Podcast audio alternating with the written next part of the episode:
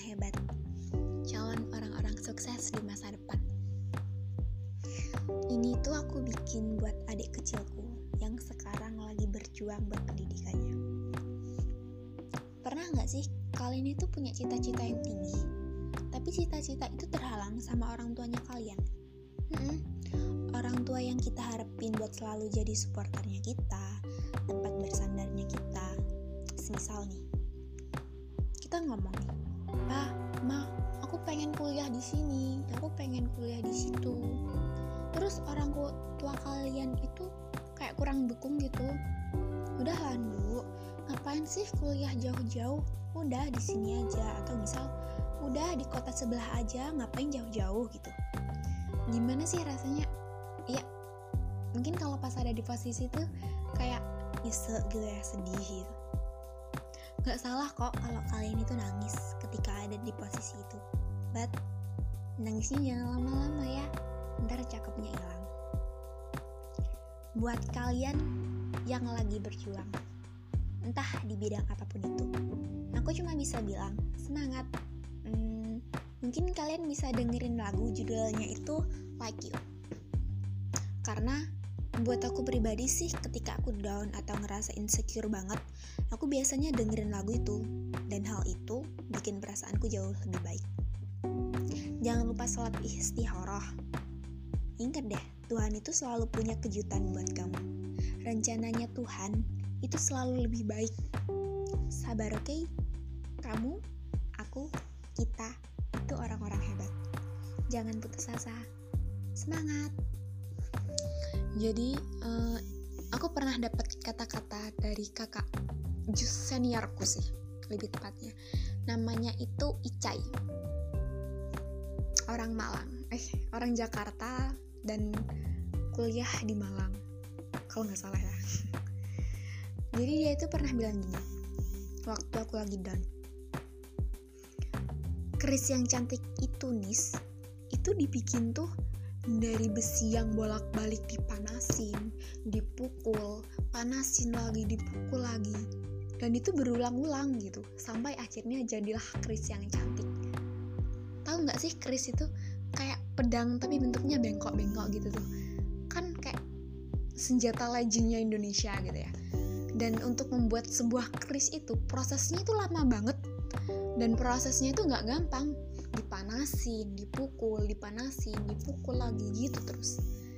Dan hal itu ini kayak apa ya? Proses yang yang susah. Proses yang apa ya? Hmm,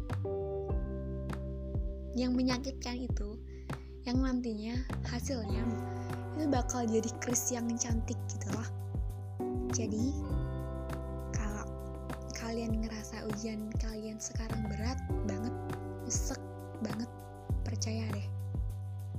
Nyeseknya kalian sekarang, susahnya kalian sekarang, ujian yang kalian hadepin sekarang, itu buat suksesnya kalian di masa depan.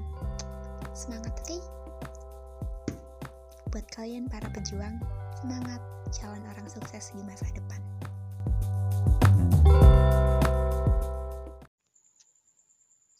Semuanya. Jadi di sini aku pengen cerita tentang seseorang yang dia tuh menginspirasi banget. Namanya itu Ica. Sumpah, dia tuh anak yang keren banget, brilian banget, kayak apa ya, multitalent banget gitu deh. Hobinya baca buku. Cuman sayangnya fisiknya nggak terlalu kuat gitu kan dan sejak kecil dia tuh udah pernah beberapa kali diasuh sama keluarga lain. Kayak modelnya kayak dititipkan. Entahlah alasannya kenapa. Jadi di usia di usianya yang menginjak berapa tahun ya waktu itu? 8 tahunan mungkin. Intinya waktu itu dia kelas 3 seingatku waktu itu dia kelas 3 dia jatuh dari tangga. Dia mimisen dan dari situ tuh kan kayak panik gitu kan keluarga asuhnya kan. Soalnya kayak mimisnya kayak nggak berhenti berhenti gitu loh. Akhirnya diperiksa lah kan sini anak terus si Ica ini dia diprediksi punya penyakit kanker namanya itu kanker nasofaring. Dan di seusia yang kecil, sekecil itu tuh Ica paham gitu loh yang dimaksud sama penyakit nasofaring itu apa. Yang balik lagi karena dia emang suka baca buku kan. Dan keluarga asuhnya waktu itu kayak backgroundnya itu dari dokter-dokter gitu loh. Jadi ya sedikit paham dia tahu. Sedikit banyak dia tahu. Bayangin di kelas 3 SD dia diprediksi eh ya punya penyakit kayak gitu. Bayangin. Dan jadi si Ica ini dia nggak terlalu dekat sama orang rumahnya ya dan ada dua orang yang bener-bener dia sayang banget. Yang pertama itu neneknya yang kedua itu sepupunya Alfatnya ya. jadi waktu kelas 3 juga pertengahan kelas 3 awal semester 2 si neneknya Ica ini meninggal. Jadi ngerti gak sih rasanya uh, ditinggal sama orang yang paling disayang gitu kan ya. Sedangkan di situ posisinya dia tahu dia lagi nggak baik-baik aja fisiknya. Drop dan baik mental fisik dia ngedrop banget. Dan alhamdulillahnya di situ masih ada Alfat terus dan sayangnya Alfat ini anaknya bisu gitu kan. Uh, dia multi talent Alfat ini anaknya multi talent jadi si Alfat ini akhirnya kayak nge-support Ica nyemangatin Ica gini gini gini. Kayak apa ya bikin Ica bangkit lagi gitu kan semangat lagi. Dan alhasil uh, ketika dia Ica ini mulai tumbuh gede hmm, dia balik lagi ke keluarga aslinya. Dan di situ tuh kayak dia nggak terlalu diterima gitu loh di lingkungan itu. Di lingkungan keluarga aslinya. Ya nggak tahu kenapa ibunya itu kayak nggak terlalu suka gitu loh sama Ica dan hobinya tuh debat terus tengkar terus di rumah gitu kan. Dan Ica ini kayak capek banget gitu kan. Kayak ah kasihan banget deh. Keren banget track recordnya si Ica nih. Jadi uh, dia tahu umurnya dia sakit fisiknya nggak kuat. Sering banget nih si Ica ini mimisan dan dia nggak pengen nunjukin ke semua orang kalau dia itu sakit. Dia cuma pengen nunjukin ke orang-orang tuh aku sehat jangan di jangan bedain aku karena aku sakit gitu. Karena si Cha ini orangnya kayak nggak terlalu suka gitu loh kayak kalau dibedain gitu kan. Jadi um, cuma segelintir orang yang tahu kalau si Cha ini sakit. Ya namanya juga orang sakit pasti butuh obat kan ya. Dan dia tuh sungkan banget gitu loh minta uang ke orang tuanya. Jadi dia kerja. Dan kan udah dibilang tau dari awal si China anaknya pinter gitu akhirnya dia kerja lah kayak ngajar bikin kerajinan tangan lalala dan sebagainya hal apa pun yang dia bisa gitu. Dan setiap ada event dia selalu pengen ngikutin gitu loh. Karena dia mikir gini entah di usia keberapa aku aku harus pasti ada kemungkinan mau nggak mau aku harus dioperasi gitu kan. Ya kanker kan ya. Dan ya kalau aku hidup gitu kan. Jadi si China kayak mikir aduh mati nih aku bakal. Kayak apa ya pesimis banget gitu sama hidupnya sama umurnya. Padahal ya kan nyawa ada di tangan Tuhan. Jadi uh, ada event apa pun itu Ica ini ngotot pengen ikut gitu loh meskipun jadi pernah waktu itu uh, ada acara lomba gitu. Uh, lomba bahasa Inggris. Si Ca ini habis jatuh. Dia nggak tahu kenapa sih nggak tahu kenapa si Ca ini habis bangkit jatuh gitu. Kakinya tuh lecet-lecet pernah harta juga. Dan dia tetap ngotot pengen ikut karena ayolah aku takutnya nanti ketika aku gak bisa jalan atau ketika aku cuma intinya ketika dia nggak bisa jalan dia nggak bisa sebebas sekarang dia takutnya nyesel gitu loh. Kenapa aku dulu nggak ikut ini gitu? Jadi semas jadi dia si Cha ini mikirnya gini selama aku masih sehat kenapa enggak gitu. Selama aku masih seger buger masih bisa jalan kenapa aku gak ngelakuin apa pun yang aku mau? gitu kan. Akhirnya dia ikutlah ngotot ikut. Ya meskipun akhirnya pada akhirnya dia nggak menang sih cuman hal yang aku kagumin banget dari si ini semangatnya. Sumpah keren-keren banget semangatnya tuh. Sampai akhirnya di usianya yang ke 14 tahun atau 15 tahun dia suka sama orang. Yusril uh, just information Alfat ini suka sama si Ica. Dan but si Ica ini suka sama Yusril gitu kan. Dan di situ tuh ya namanya orang kasmaran kan ya. Dan kerennya juga si Yusril ini juga suka balik sama Ica gitu kan. Habis lah mereka kayak ngelewatin hari-harinya bareng lalala dan sebagainya ala-ala orang bucin gitu. Sampai pada akhirnya si Yusril sama si Chani tengkar. Tengkar dan waktu itu si Ica kan tinggal si Alfa doang kan. Neneknya udah meninggal gitu. Dia nggak terlalu deket sama saudara-saudara kandungnya sama keluarganya gitu. Deketnya sama si Alfat dan dia waktu itu posisinya si Ica sama si Alfat ini beda kota gitu. Si Ica si Ica si Ica si Ica ini minta ketemu Alfat minta ketemu. Dan naasnya Alfat ini meninggal di jalan waktu dia mau ketemu Ica. Tabrak lari dan di situ Ica itu bener-bener kayak hancur banget gitu loh. Dia kayak nyalain dirinya sendiri. Kalau aku nggak minta Alfat datang Alfat nggak mungkin meninggal gitu. Dan bener-bener kayak hancur gitu dan itu posisinya si Yusril itu lagi daki. Lagi daki mereka. Lagi daki. Dan komunikasi antara si Yusril sama si Ca ini waktu itu lagi buruk gitu.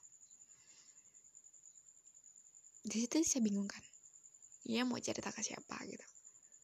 Akhirnya sore omanya datang dia ngirim surat. Itu surat terakhir yang Yusril yang Alfa tulis buat Ica dia bawalah surat itu ke makam neneknya kan. Di situ dia baca. Soalnya kebiasaannya Ica nih kalau ada apa-apa dia ke makam neneknya. Kayak curhat gitu. Jadi kayak nostalgia dia kalau ada apa-apa ke neneknya. Cerita yang ngasih saran juga neneknya gitu ya. Yang ngasih solusi dengerin si Ica ini cerita gitu. Si neneknya. Kalau enggak sih Alfat dia berhubung Alfat posisinya juga udah nggak ada neneknya juga nggak ada ya udah kan. Akhirnya si Ica ini pergi ke makam neneknya. Di situ baca baca surat yang dikasih Alfat. Dan dari surat itu Ica tahu kalau Alfat ternyata suka sama si Ica. Anjir ya Allah. Ini cerita bucin. Enggak kak. Tapi poinnya itu ada um, gini nih. Jadi habis itu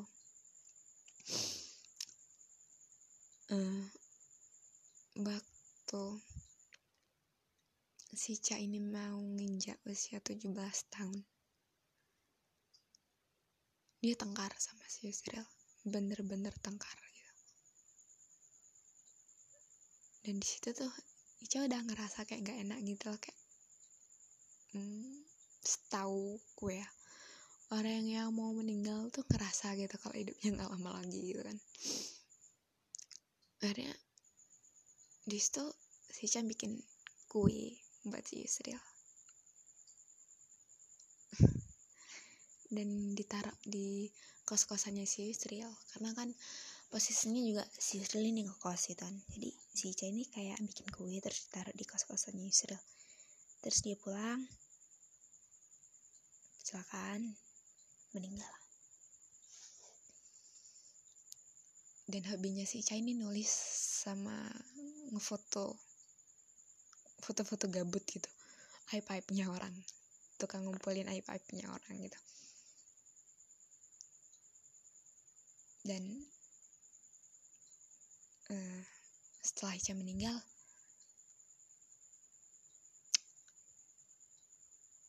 kan nyisain kayak buku hariannya gitu kan sama kameranya. Lihat-lihat lah ngeliat-liat baca-baca buku diarynya foto-foto yang di kamera dan itu tuh kayak nyesek banget gitu lah kayak ya rap aku sebagai temennya kok bego amat ya nggak tahu kalau si Ca itu gini gini gini gini. Nggak sadar selama ini Ca tuh sering ngeluh pusing gitu kalau mikir berat beradik itu dia mimisen gitu kan. Dan si Sril juga nyesel posisinya kan. Secara komunikasi terakhir mereka tuh waktu lagi bentak-bentakan gitu. Sedangkan Yusril ini paham banget kalau si Isya tuh lagi sakit gitu. Jadi uh, aku pernah nulis kisahnya si Ica ini di buku judulnya ini telur gitu. Pengennya sih kayak aku bikin novel gitu kan.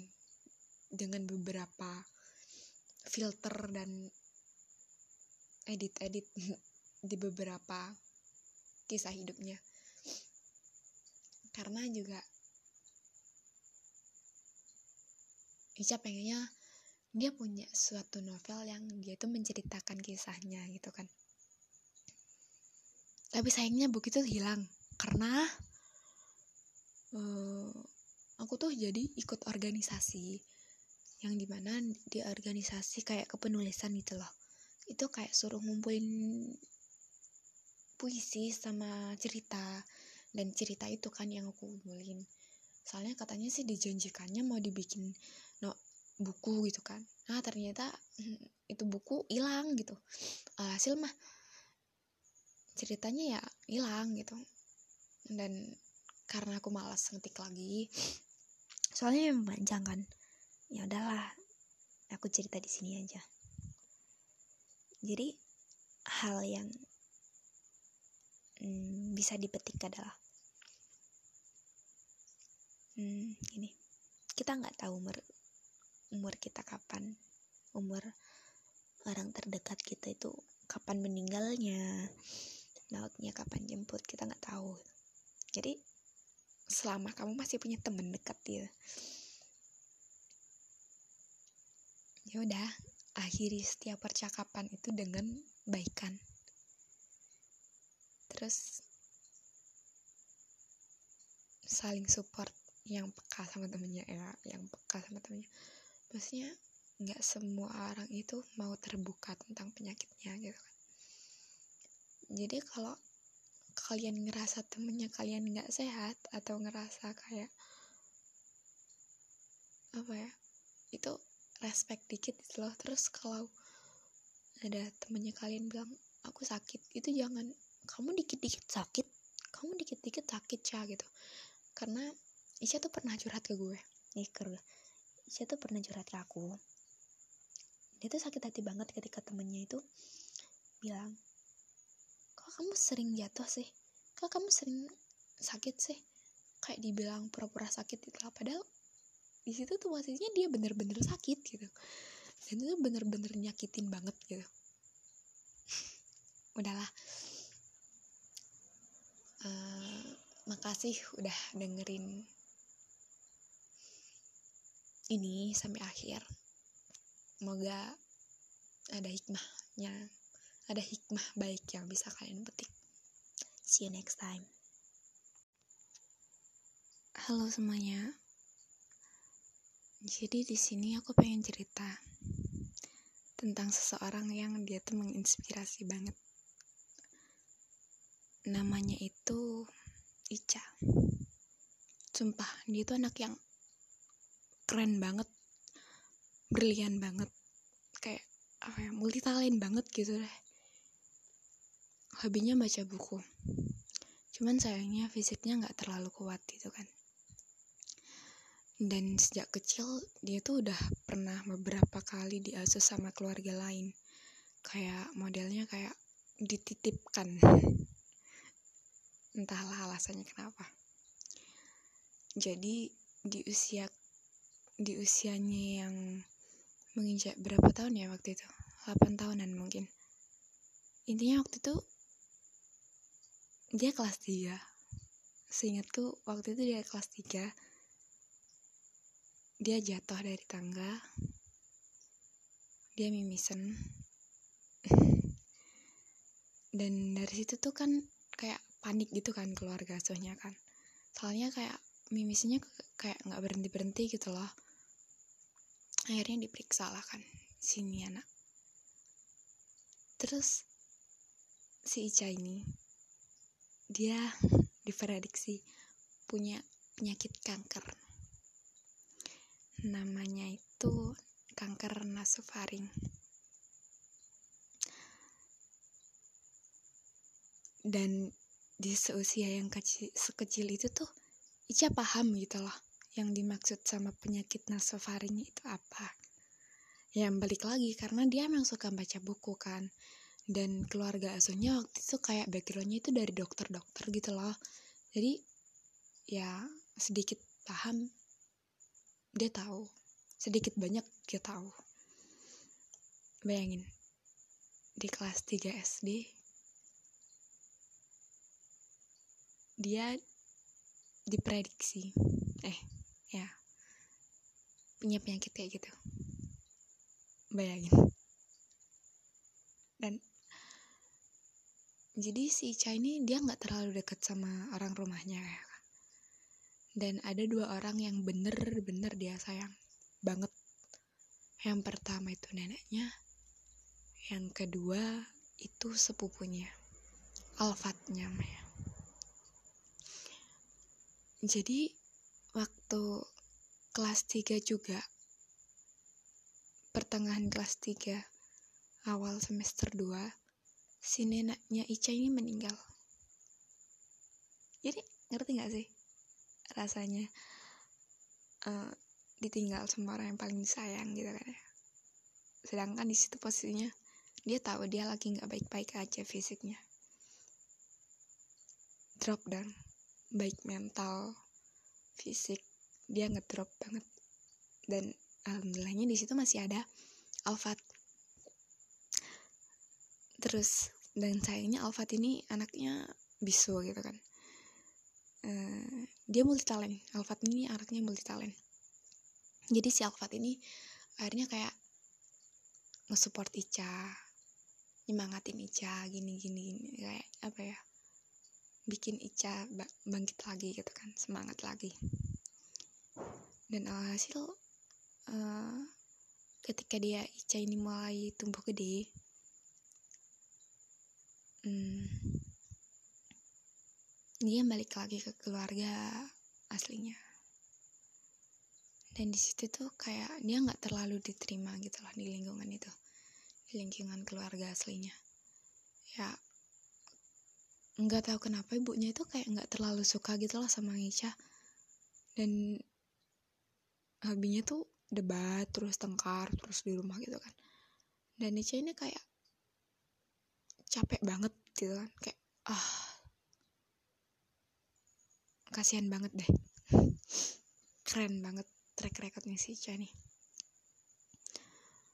Jadi uh, dia tahu umurnya dia sakit fisiknya nggak kuat. Sering banget nih si Ica ini mimisan. Dan dia nggak pengen nunjukin ke semua orang kalau dia itu sakit dia cuma pengen nunjukin ke orang-orang tuh aku sehat. Jangan di jangan bedain aku karena aku sakit gitu. Karena si Cha ini orangnya kayak nggak terlalu suka gitu loh kayak kalau dibedain gitu kan. Jadi uh, cuma segelintir orang yang tahu kalau si Cha ini sakit. Ya namanya juga orang sakit pasti butuh obat kan ya. Dan dia tuh sungkan banget gitu loh minta uang ke orang tuanya. Jadi dia kerja. Dan kan udah dibilang tau dari awal si China anaknya pinter gitu. Jadinya dia kerja lah. Kayak ngajar bikin kerajinan tangan lalala dan sebagainya hal apa pun yang dia bisa gitu.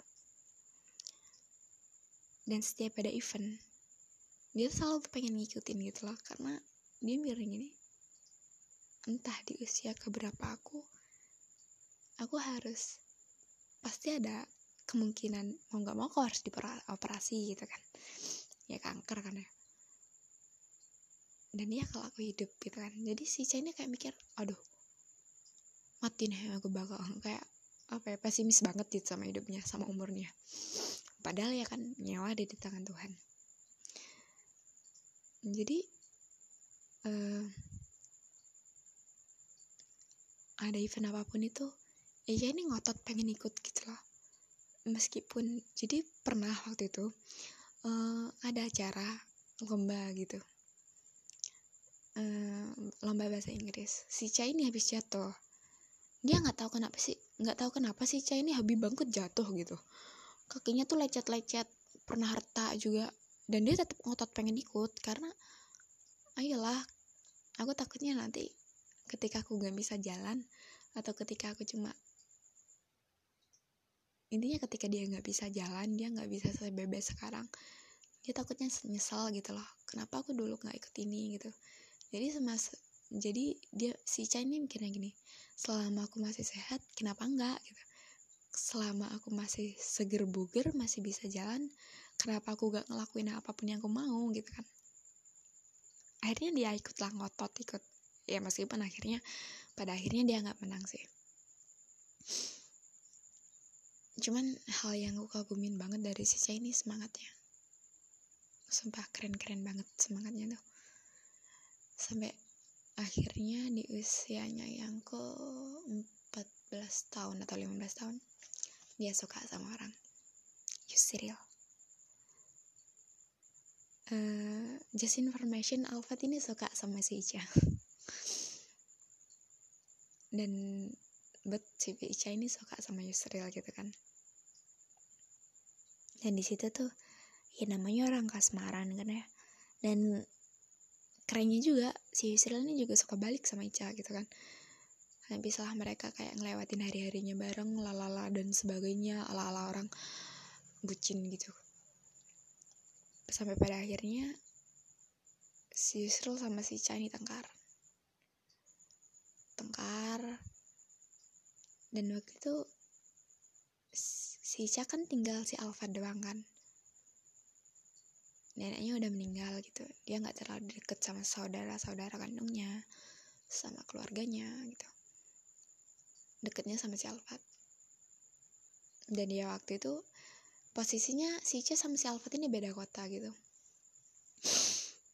Si Ica si Ica si Ica si Ica ini minta ketemu Alfat minta ketemu. Dan naasnya Alfat ini meninggal. Di jalan waktu dia mau ketemu Ica. Tabrak lari dan di situ Ica itu bener-bener kayak hancur banget gitu loh. Dia kayak nyalain dirinya sendiri. Kalau aku nggak minta Alfat datang Alfat nggak mungkin meninggal gitu. Dan bener-bener kayak hancur gitu dan itu posisinya si serial itu lagi daki. Lagi daki mereka. Lagi daki. Dan komunikasi antara si Yusril sama si Cha ini waktu itu lagi buruk. Di situ saya bingung kan? Dia mau cerita ke siapa gitu. Akhirnya sore omanya datang dia ngirim surat. Itu surat terakhir yang Yusril yang Alfa tulis Ica dia bawalah surat itu ke makam neneknya kan. Di situ dia baca. Soalnya kebiasaannya Ica nih kalau ada apa-apa dia ke makam neneknya. Kayak curhat gitu. Jadi kayak nostalgia dia kalau ada apa-apa ke neneknya. Cerita yang ngasih saran juga neneknya gitu ya. Yang ngasih solusi dengerin si Ica ini cerita gitu. Si neneknya. Kalau enggak sih Alfat jadi berhubung Alfat posisi juga udah nggak ada neneknya juga nggak ada ya udah kan. Akhirnya si Ica ini pergi ke makam neneknya. Di situ baca baca surat yang dikasih Alfat. Dan dari surat itu Ica tahu kalau Alfat ternyata suka sama si Ica anjir ya Allah. Ini cerita bucin. Enggak kak. Tapi poinnya itu ada um, gini nih. Jadi habis itu uh, waktu si Ca ini mau nginjak usia 17 tahun. Dia tengkar sama si Yusril bener-bener tengkar dan di situ tuh Ica udah ngerasa kayak gak enak gitu loh kayak hmm, setahu gue ya orang yang mau meninggal tuh ngerasa gitu kalau hidupnya nggak lama lagi gitu kan. Akhirnya di situ si Ica bikin kue buat si Yusril. Dan ditaruh di kos-kosannya si Yusril. Karena kan posisinya juga si Yusril ini ngekos gitu kan. Jadi si Ica ini kayak bikin kue terus ditaruh di kos-kosannya Yusril. Terus dia pulang. Kecelakaan meninggal. Dan hobinya si Ica ini nulis sama ngefoto foto-foto gabut gitu. Aib-aibnya orang. Tukang ngumpulin aib-aibnya orang gitu. Dan uh, setelah Ica meninggal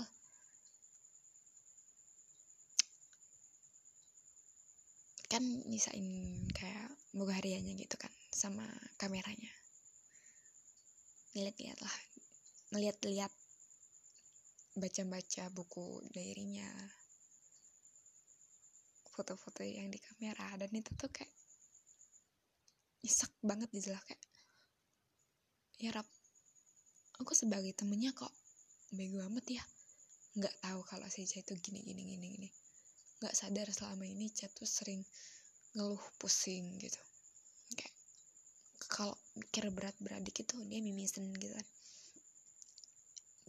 Dan si Sril juga nyesel posisinya kan. Secara komunikasi terakhir mereka tuh waktu lagi bentak-bentakan gitu. Sedangkan Yusril ini paham banget kalau si Isya tuh lagi sakit gitu. Jadi uh, aku pernah nulis kisahnya si Ica ini di buku judulnya ini telur gitu. Pengennya sih kayak aku bikin novel gitu kan dengan beberapa filter dan edit-edit di beberapa kisah hidupnya. Karena juga Ica pengennya dia punya suatu novel yang dia tuh menceritakan kisahnya gitu kan tapi sayangnya buku itu hilang karena uh, aku tuh jadi ikut organisasi yang di mana di organisasi kayak kepenulisan gitu loh. Itu kayak suruh ngumpulin puisi sama cerita dan cerita itu kan yang aku kumpulin. Soalnya katanya sih dijanjikannya mau dibikin no buku gitu kan. Nah ternyata hmm, itu buku hilang gitu. Hasil mah ceritanya ya hilang gitu. Dan karena aku malas ngetik lagi soalnya yang panjang kan. Ya udahlah aku cerita di sini aja. Jadi hal yang hmm, bisa dipetik adalah hmm, ini kita nggak tahu umur umur kita kapan. Umur orang terdekat kita itu kapan meninggalnya mautnya kapan jemput kita nggak tahu. Jadi selama kamu masih punya temen dekat ya ya udah akhiri setiap percakapan itu dengan baikan. Terus saling support yang peka sama temennya ya yang peka sama temennya. Maksudnya nggak semua orang itu mau terbuka tentang penyakitnya gitu kan jadi kalau kalian ngerasa temennya kalian nggak sehat atau ngerasa kayak apa ya itu respect dikit gitu loh. Terus kalau ada temennya kalian bilang aku sakit itu jangan kamu dikit-dikit sakit kamu dikit-dikit sakit ya gitu. Karena Isya tuh pernah curhat ke gue. Nih ke Isya tuh pernah curhat ke aku. Dia tuh sakit hati banget ketika temennya itu bilang kok kamu sering jatuh sih? Kok kamu sering sakit sih? Kayak dibilang pura-pura sakit gitu lah padahal di situ tuh posisinya dia bener-bener sakit gitu. Dan itu bener-bener nyakitin banget gitu. Udahlah. Uh, makasih udah dengerin ini sampai akhir.